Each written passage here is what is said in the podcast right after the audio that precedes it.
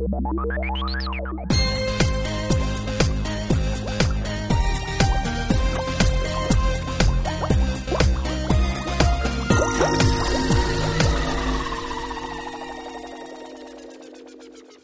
Og velkommen til en ny episode i podkasten vår. Det er jo veldig kjekt å kunne være tilbake igjen i studio. Forrige episode den eh, var jo da tatt opp på hjemmekontor. Vi fikk det jo til, men det er veldig, veldig gøy å være i studio. For jeg syns det er så kjekt å være sammen med Cecilie. Og se inn i øynene og virkelig få en respons, da.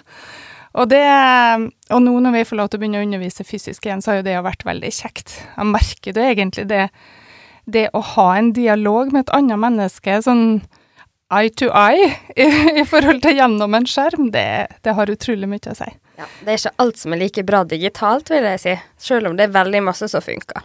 Ja, det er det. Og guri meg hvor mye vi har lært i denne uh, fasen vi har vært i, for å kalle det sånn. Skal vi kalle det en fase? Koronafase, eller hva man skal kalle det? Boble.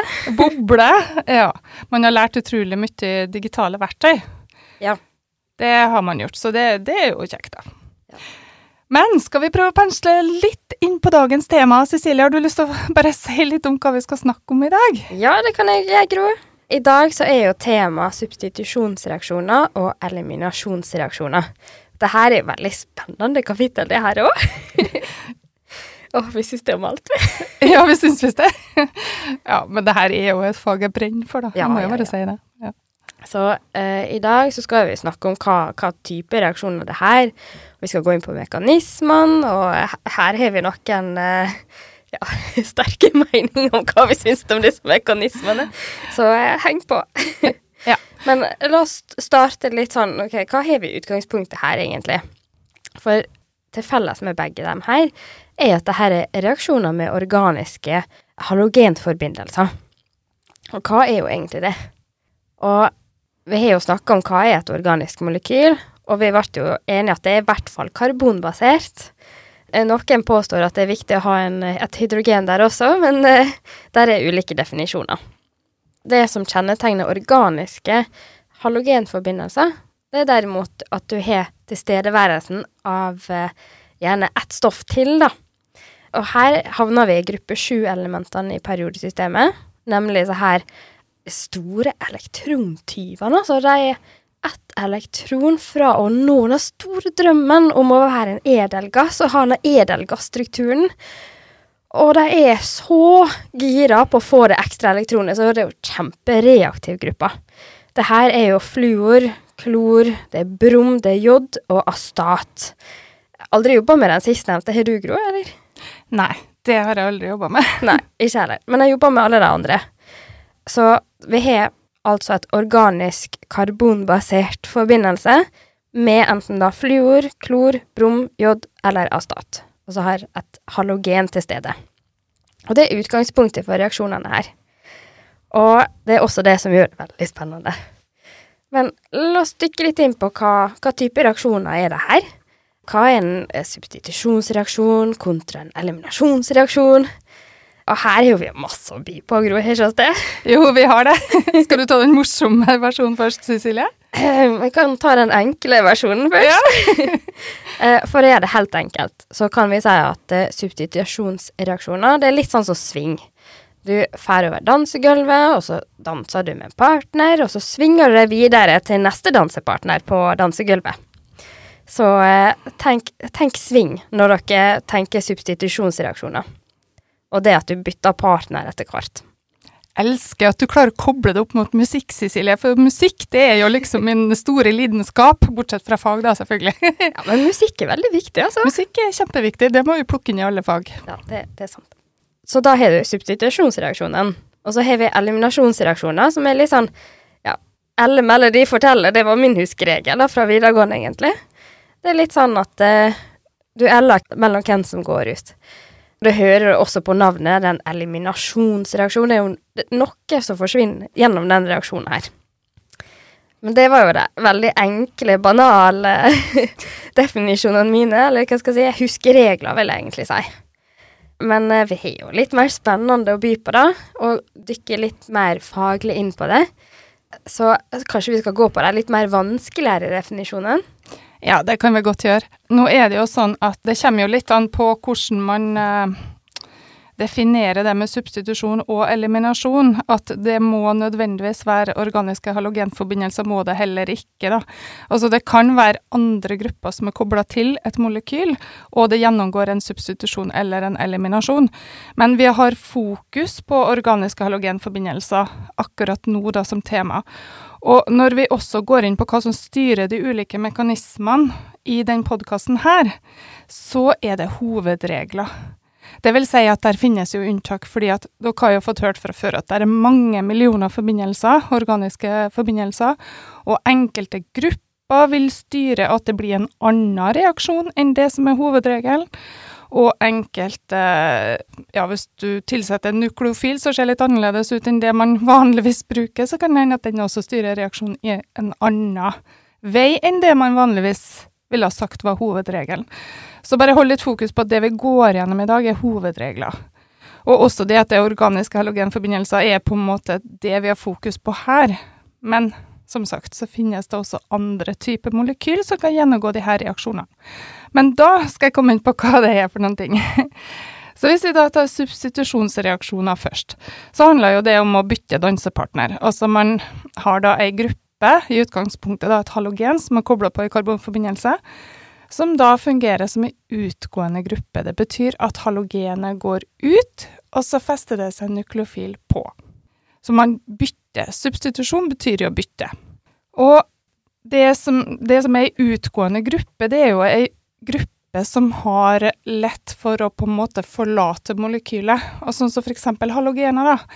De eh, er veldig elektrontiltrekkende. De drar elektronene mot seg, sånn at elektronene i bindinga mellom halogenet og karbonforbindelser er forskjøvet mot halogenet. Og da er det jo lett for halogenet også dra med seg det siste elektronet og gå ut, da. Selvfølgelig så er alt styrt av energi, sånn at det her skjer ikke, den substitusjonen skjer ikke, hvis ikke produktet får lavere energi enn det reaktantene hadde. Husk at jeg snakker om hovedregler. Altså det spørs jo hvor mye energi man tilfører, selvfølgelig.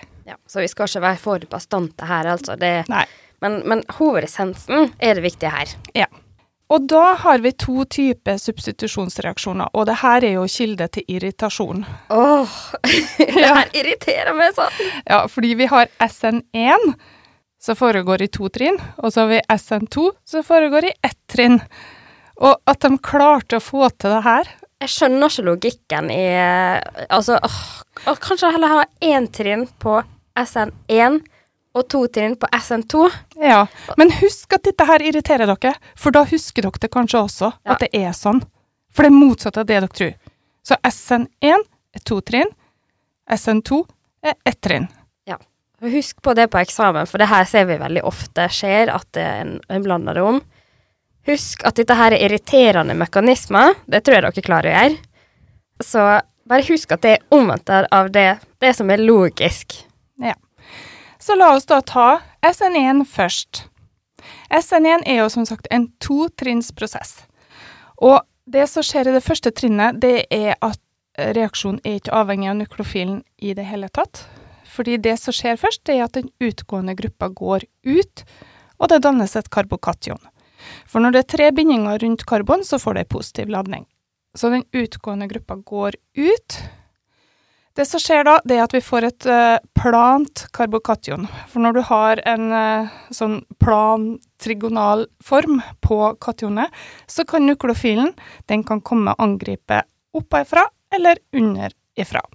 Det betyr at man kan få teoretisk to typer produkt. Men hvis det er to eller flere like grupper i produktet, så spiller ikke noen rolle hvor det kobler seg på, da vil det bare bli ett produkt. Men hvis produktet har fire ulike grupper kobla på, da har man mulighet til å få R-form og S-form av produktet. Og da får vi noe som vi kaller rasemisk blanding.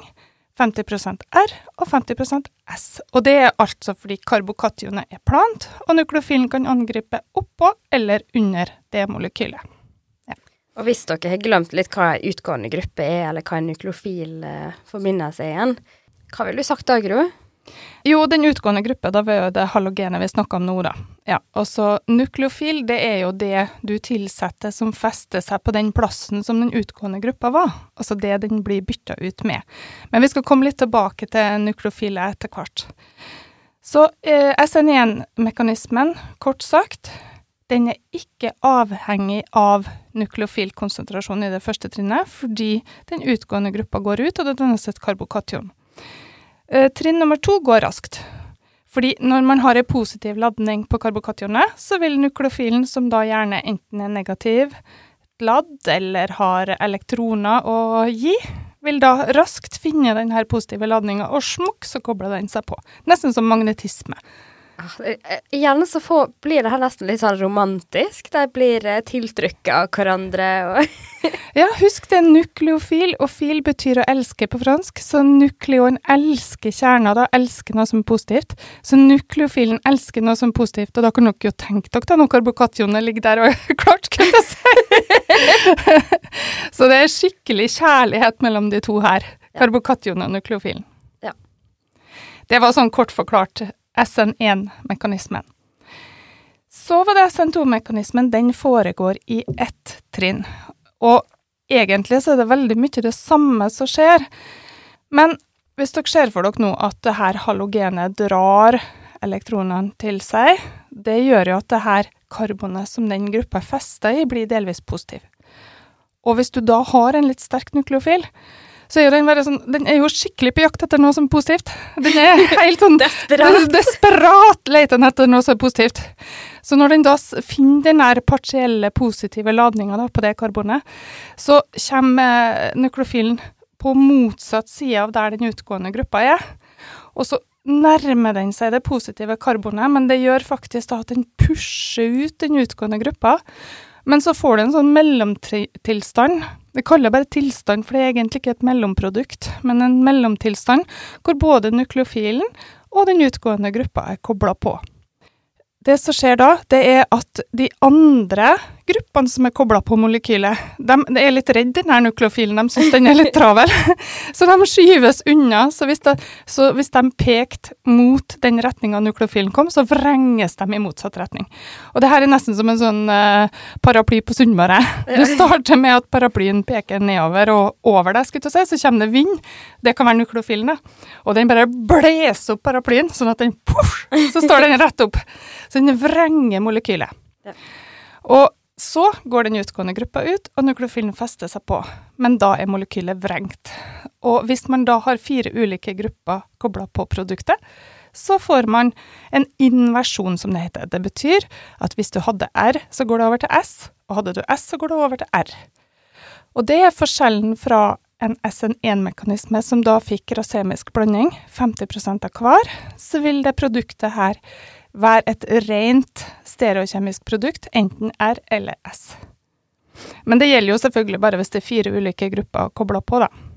Men så er det en liten faktor her, da, at hvis nukleofilen da skal klare å komme seg inni denne paraplyen og vrenge den, så må det være plass til det. Så hvis at man har en veldig forgreina eh, forbindelse, hvor det er veldig, veldig trangt å angripe på motsatt side av eh, den utgående gruppa, så vil ikke reaksjon skje. Mm. Da er det lettere at det foregår via SN1. Og en annen ting på SN1, det er at eh, hvis karbokationet er stabilt, da har det lettere for å skje enn om det dannes et ustabilt karbokation.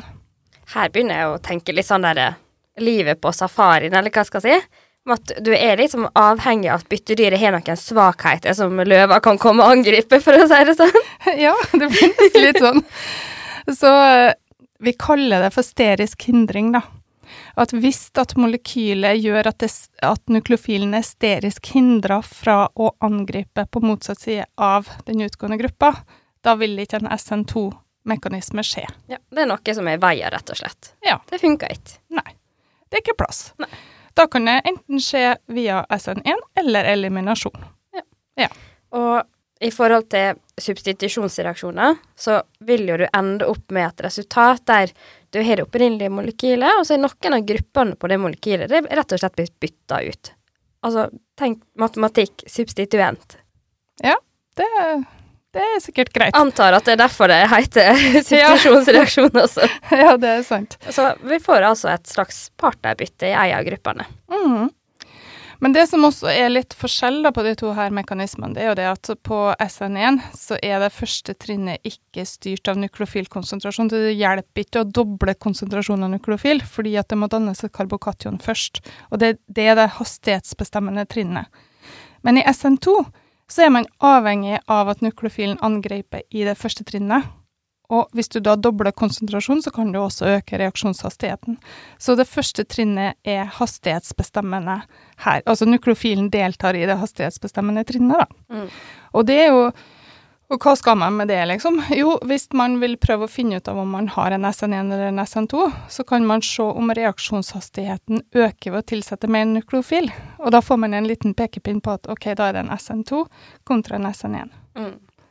Og det er jo spesielt altså hva sier det at Vi snakker om hovedregler. Det betyr at enkelte reaksjoner vet man og kan forutse om det blir en SN1 eller en SN2. Men det er jo ikke alltid man vet det. Med nye typer molekyl f.eks. så er det ikke sikkert man vet om er det for sterisk hindra for en SN2, eller er det ikke det, eller sånn. Og så kan man sjekke det på den måten. Mm. Og både med substitusjonsreaksjoner og eliminasjonsreaksjoner så bygger du organiske molekyler. Du starter med et utgangspunkt, og så om det er medisin du skal lage, eller et nytt materiale, eller at du skal lage noen kjemikalier som du skal selge videre til en lab, f.eks. Så starter du med et utgangspunkt, og så bytter du ut eh, gruppe, og kanskje bygger på eh, det opprinnelige molekylet på den måten. Eller at du bare hva skal jeg ta, tar vekk deler av molekylet. Og her begynner vi å snakke om eliminasjonsreaksjoner. Og hva er jo det for noe, Gro? Ja, eliminasjonsreaksjoner. Det er jo som Cecilie starta med, eller melder du går ut, eller et eller annet sånt. Ja. Eh, der er det da den utgående gruppa går ut, men den blir ikke bytta ut med noen ting. Eller det vil si, det er ikke helt rett. Den blir bytta ut med ei dobbeltbinding. Ja, sånn at eh, bindingselektroner går da inn og danner dobbeltbinding når den utgående gruppa går ut. Så man får eliminert den utgående gruppa fra molekylet, og så får man danna ei dobbeltbinding. Det er en eliminasjonsreaksjon. Og det er like irriterende her, fordi E1 består av to trinn, og E2 består av ett trinn. Så den er akkurat like irriterende som SN1 og SN2. Ja, men vet du hva, når de først har liksom eh, gått inn for å være irriterende, så er det greit at de fortsetter å være irriterende. Og er konsekvent på det, ja. Ja, Ja, det er sant. Men la oss nå se på hva er forskjellen på dem her, da. Og hvis vi ser på én-mekanismen først, så er det som er litt takknemlig med den, det er at den faktisk har akkurat samme første trinn som SN1. Så de er egentlig et sånn par, de. De følger hverandre.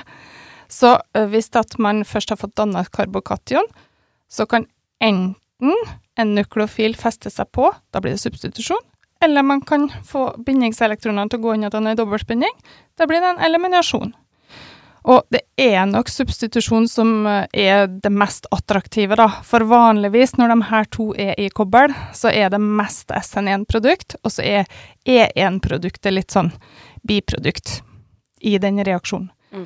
Og det er jo sånn med de aller fleste organiske reaksjoner, så er det alltid biprodukt. Man får alltid unntaker også.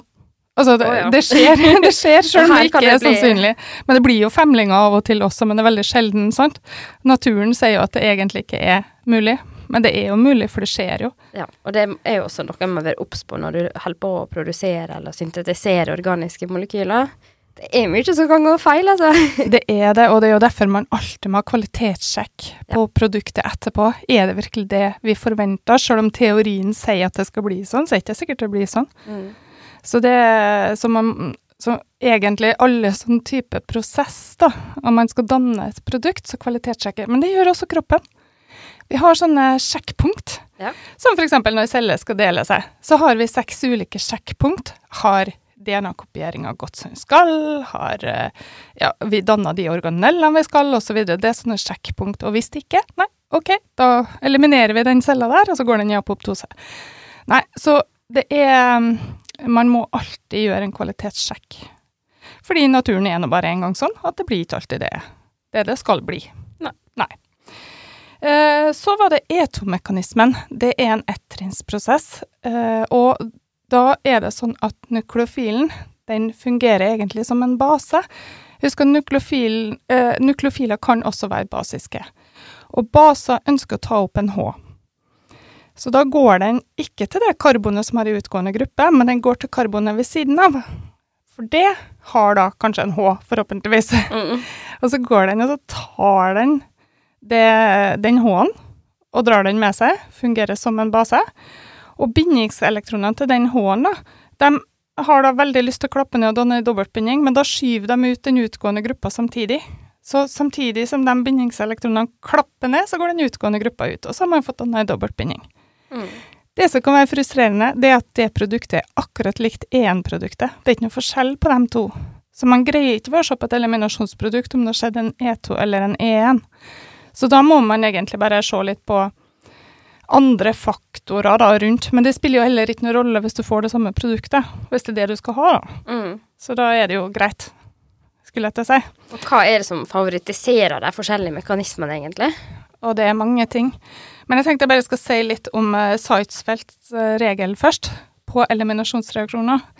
Så er det sånn at uh, man kan jo få dobbeltbinding på begge plassene. Altså for å si det sånn, Hvis du har ei utgående gruppe, så kan det jo være et karbon på hver side av den utgående gruppa.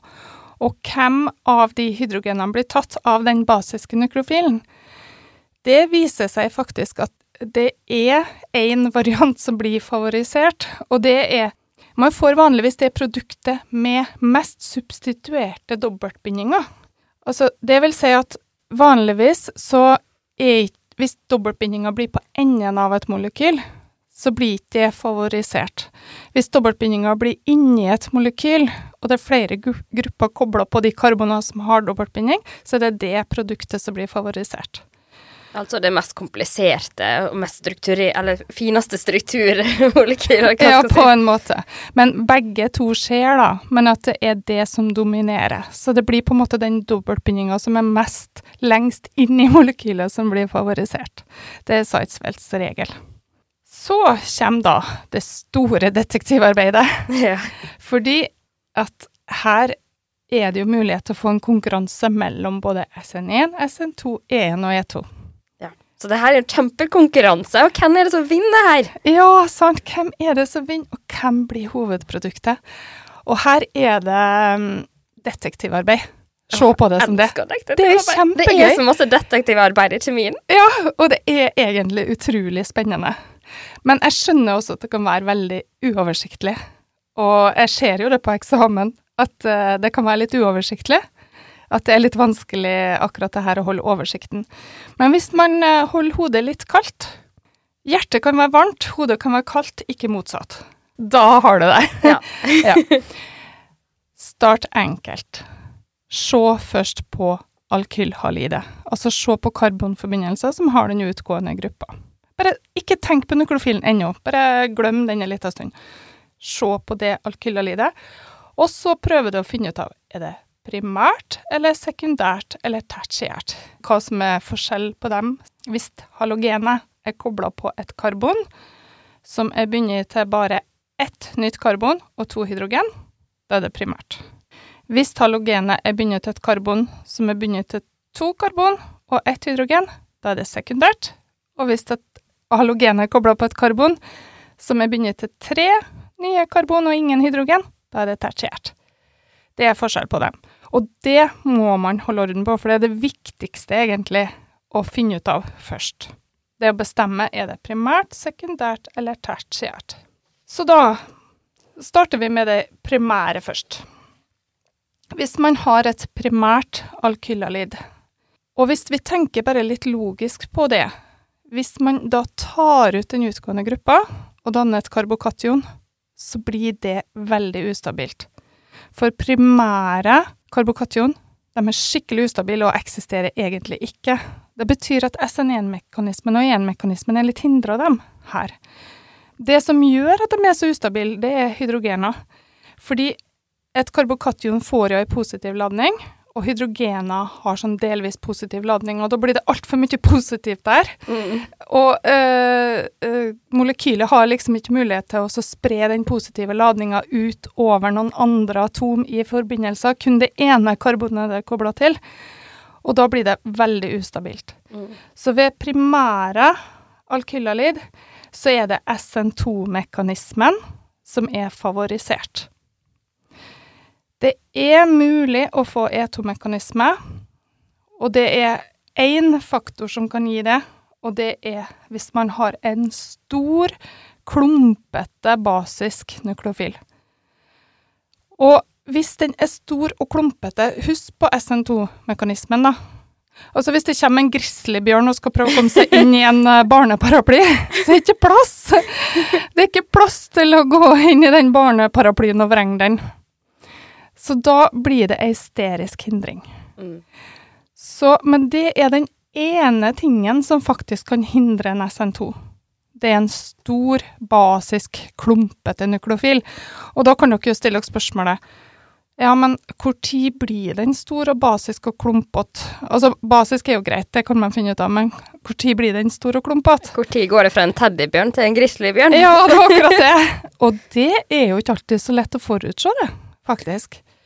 Men man, hvis dere skulle ha løst en sånn oppgave, da, og dere satt på eksamen, hvis dere satt forutsetningene, at dere skriver at dere forutsetter at det her er en stor, klumpete basisk nukleofil som vil gi hysterisk hindring, så viser dere egentlig forståelse at det her ser jo stort og klumpete ut. Og det vil jo kunne gi hysterisk hindring. Og mest sannsynlig, da, så om den ikke var stor nok til å gi ren E2-produkt, så ville den kanskje gitt 50-50 mellom SN2 og E2. Eller 60-40 eller 30-70, og det der vet man jo sjelden før man har testa det og målt det fysisk i en lab. Mm. Så sett forutsetningene først. At jeg antar at den her er stor og klumpete. Og da vet man at ok, hvis den er stor og klumpete, så er det E2 som dominerer. Mm. Så det er veldig viktig å få med hva dere tenker, sånn at, sånn at vi klarer å gi poeng på forståelse til dere. Ja, det er det også. Og, og, når man, og i hvert fall når man holder på å bære med hovedregler, så er det jo sånn at da bare legger man en forutsetning. Men hvem vet, det kunne jo ha skjedd 50-50, for eksempel. Ja. Ja. Og eh, mest sannsynlig så vil man få litt SN2 som biprodukt. Det var de primære. Så skal vi over på de sekundære. Det er mye å holde orden på her. Eller jeg har egentlig litt lyst til å vente med den, for den er liksom den mest, aller mest spennende. Okay. Jeg tror jeg tar de tertiære først. Ok.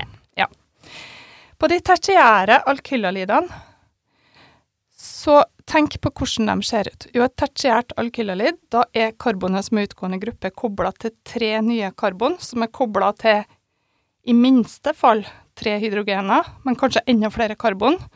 Og se for dere da denne her grizzlybjørnen eller et eller annet teddybjørn som skal prøve å komme til da, i den her knøttrange knøtttrange passasjen. Det går ikke. Så SN2 er egentlig litt ekskludert når det er tertiære alkylalid. Så den får liksom ikke til å komme til. Nukleofilen får ikke plass, og da blir den bare ekskludert.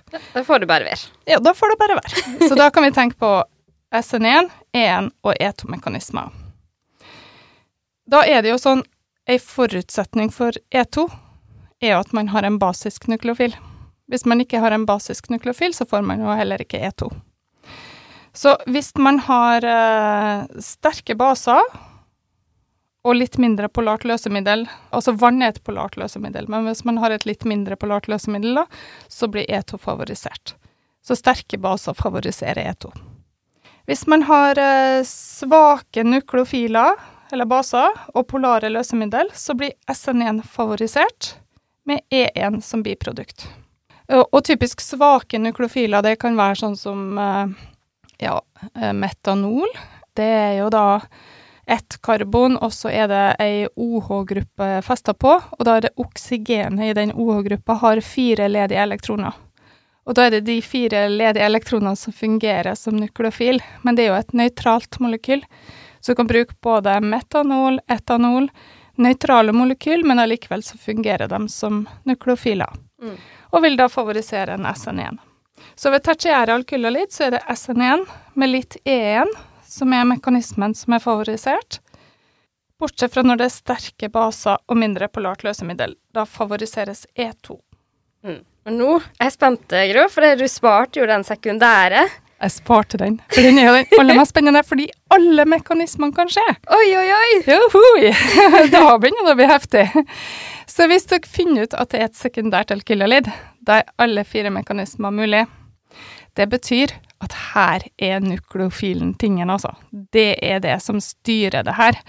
Og det går jo an å sette litt i system. Hvis man har sterke nukleofiler, og sterke nukleofiler det er som regel nukleofiler som har ladning, men som ikke er basisk. Altså det må ikke være sterke baser. Så sterke nukleofiler som ikke er sterke baser, de favoriserer SN2. Da får man ofte også litt eh, biprodukt av E2 allikevel. Mm. Eh, hvis man har en svak nukleofil, altså en som ikke har ladning, og polart løsemiddel, vil favorisere SN1 med litt E1 som biprodukt. Og sterke baser vil favorisere E2. Så det er nukleofilen som bestemmer.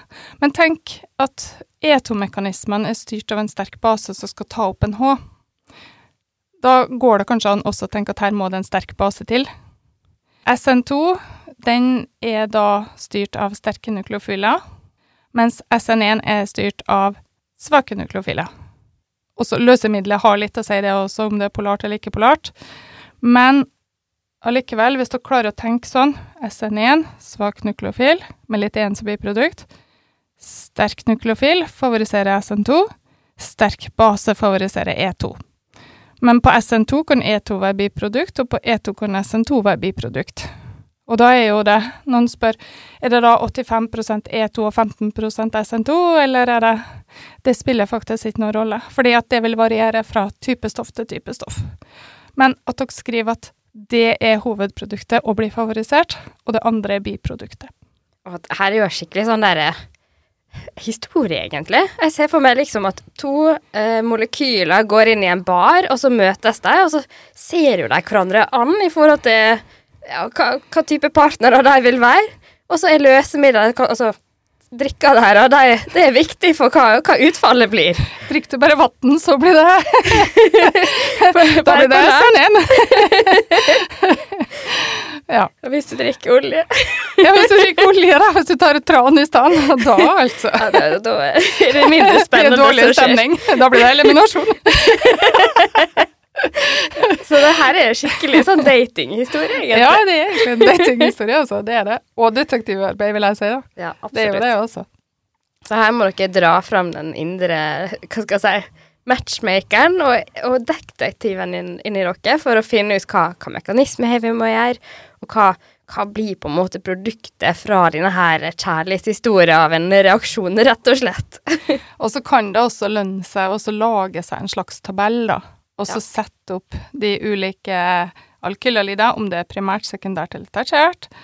Om det er hva type nukleofil det er.